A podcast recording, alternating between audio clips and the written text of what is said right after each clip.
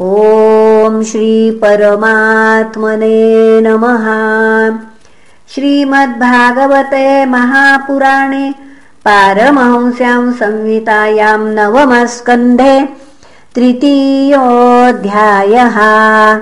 श्रीशुक उवाच शर्यातिर्मानवो राजा ब्रह्मिष्ठः स बभूवः यो वा अङ्गिरसां सत्रे द्वितीयमह ऊचिवान्। सुकन्या नाम तस्यासीत् कन्या कमललोचना तया सार्धम् वनगतो ह्यगमच्च वनाश्रमम् सा सखीभिः परिवृता विचन्वत्यङ्घ्र्यपान्वने वल्मीकरन्ध्रे ददृशे खद्योते इव ज्योतिषि। ते दैव चोदिता बाला ज्योतिषी कण्टकेन वै। अविध्यन्मुग्धभावेन शुश्रावासृक्ततो बहु। शक्रुन्मूत्रनिरोधोऽभूत् सैनिकानाञ्च तत्क्षणात् राजर्षिस्तमुपालक्ष पुरुषान् विस्मितो ब्रवीतम्। अप्यभद्रन्न युष्माभिर्भार्गवस्य विचेष्टितम्। व्यक्तम् केनापि नस्तस्य कृतमाश्रमदूषणम्। सुकन्या प्राहपितरम् भीता किञ्चित्कृतम् मया। द्वे ज्योतिषी अजानन्त्या निर्भिन्ने कण्टकेन वै। दुहितुस्तद्वच श्रुत्वा शर्यातिर्जातसाध्वसः। मुनिम् प्रसादयामास वल्मीकान्तर्हितम् शनैः तदभिप्रायमाज्ञाय प्रादाद्दुहितरम् मुनेः कृच्छ्रान्मुक्तस्तमामन्त्र्यो पुरम् प्रायात् समाहितः। सुकन्या च वनम् प्राप्य पतिम् परमकोपनम् प्रीणयामास चित्तज्ञा अप्रमत्तानुवृत्तिभिः कस्यचित्त्वथ कालस्य नासत्यावाश्रमागतौ तौ पूजयित्वा प्रोवाच वयो मे दत्तमीश्वरौ। ग्रहम् ग्रहीष्ये सोमस्य यज्ञे वामप्यसोमपोः क्रियताम् मे वयोरूपम् प्रमदानाम् यदीप्सितम्। बाढमित्युचतुर्विप्रमभिनन्द्यभिषक्तमौ निमज्जताम् भवानस्मिन् हृदे सिद्धविनिर्मिते। इत्युक्त्वा जरयाग्रस्त देहो धमनि सन्ततः हृदम् प्रवेशितोऽश्विभ्याम् वलीपलितविप्रियः। पुरुषास्त्रय उत्तस्थुरपि चावनिता प्रियाः पद्मस्रजः कुण्डलिनस्तुल्यरूपा सुवाससः। तान्निरीक्षवरारोहा सरूपान् सूर्यवरचसः अजानती पतिम् साध्वी अश्विनौ शरणम् ययौ। दर्शयित्वा पतिम् तस्यै पातिव्रत्तेन तोषितौ। ऋषिमामन्त्यययतुर्विमानेन पुनः ययतुर्विमानेन त्रिविष्टपम् यक्षमाणोऽथ शर्यातिश्च वनस्याश्रमम् गतः।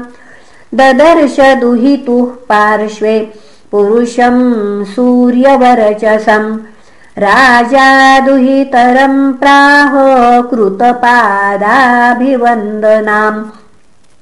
आशिषश्चाप्रयुञ्जानो नातिप्रीतमना इव चिकीर्षितं ते किमिदं पतिस्त्वया प्रलम्भितो लोकनमस्कृतो मुनिः। यत्त्वं जयाग्रस्तमसत्यसम्मतं विहाय जारं भजसे मुमध्वगम्। कथं मतिस्तेव गतान्यथा सताम् कुलप्रसूते कुलदूषणं त्विदम् बिभर्षिजारं यदपत्रपाकुलं पितुश्च भरतुश्च नयस्य धस्तमः। एवं ब्रुवाणं पितरं स्मयमाना शुचिस्मिता उवाच तात जामाता तवैष भृगुनन्दनः। शशंसपित्रे तत्सर्वम् वयोरूपाभिलम्बनम् विस्मितः परमप्रीतस्तनयाम् परिशश्वजे सोमेन याजयन् वीरम् ग्रहम् सोमस्य चाग्रहीत् असोमपोरप्यश्विनोश्च वनस्वेन तेजसा। हन्तुम् तमाददे वज्रम् सद्यो मन्युरमर्षितः। स वज्रम् स्तम्भयामास भुजमिन्द्रस्य भार्गवः। अन्वजानौस्ततः सर्वे ग्रहम् सोमस्य चाश्विनोः। भिषजाविति यत्पूर्वम् सोमाहुत्या बहिष्कृतौ उत्तानबर्हिना नरतो भूरिषेण इति त्रयः। शर्यातेरभवन् पुत्रा आनर्तातरेवतोऽभवत् सोऽन्तः समुद्रे नगरीम् विनिर्माय कुशस्थलीम् आस्थितो भुङ्क्तविषयानानर्तादीनरिन्दम तस्य पुत्रशतम् जज्ञे ककुद्मि ज्येष्ठमुत्तमम्। ककुद्मीरेवतीम् कन्याम् स्वामादाय विभुङ्गतः। कन्यावरम् परिप्रष्टुम् ब्रह्मलोकमपावृतम्। आवर्तमाने गान्धर्वे स्थितो लब्धक्षणक्षणम् तदन्त आद्यमानम्य स्वाभिप्रायम् न्यवेदये तच्छ्रुत्वा भगवान् ब्रह्मा प्रहस्यतमुवाचः अहो राजन्निरुद्धास्ते कालेन हृदि ये कृताः। तत्पुत्रपौत्रनतॄणाम् गोत्राणि च न शृण्महिम् कालोऽभियातस्तृणवचर्तुर्युगविग पुनः कालोऽभियातस्तृण चतुर्युगविकल्पितः तद्गच्छ देवदेवांशो बलदेवो महाबलः।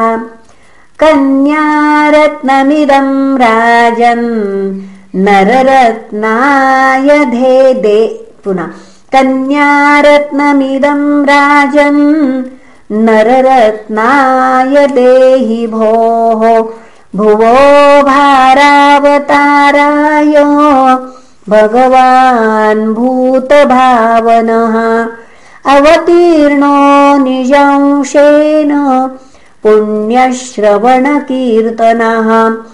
इत्यादिष्टोऽभिवन्द्याजम् नृपस्वपुरमागतः।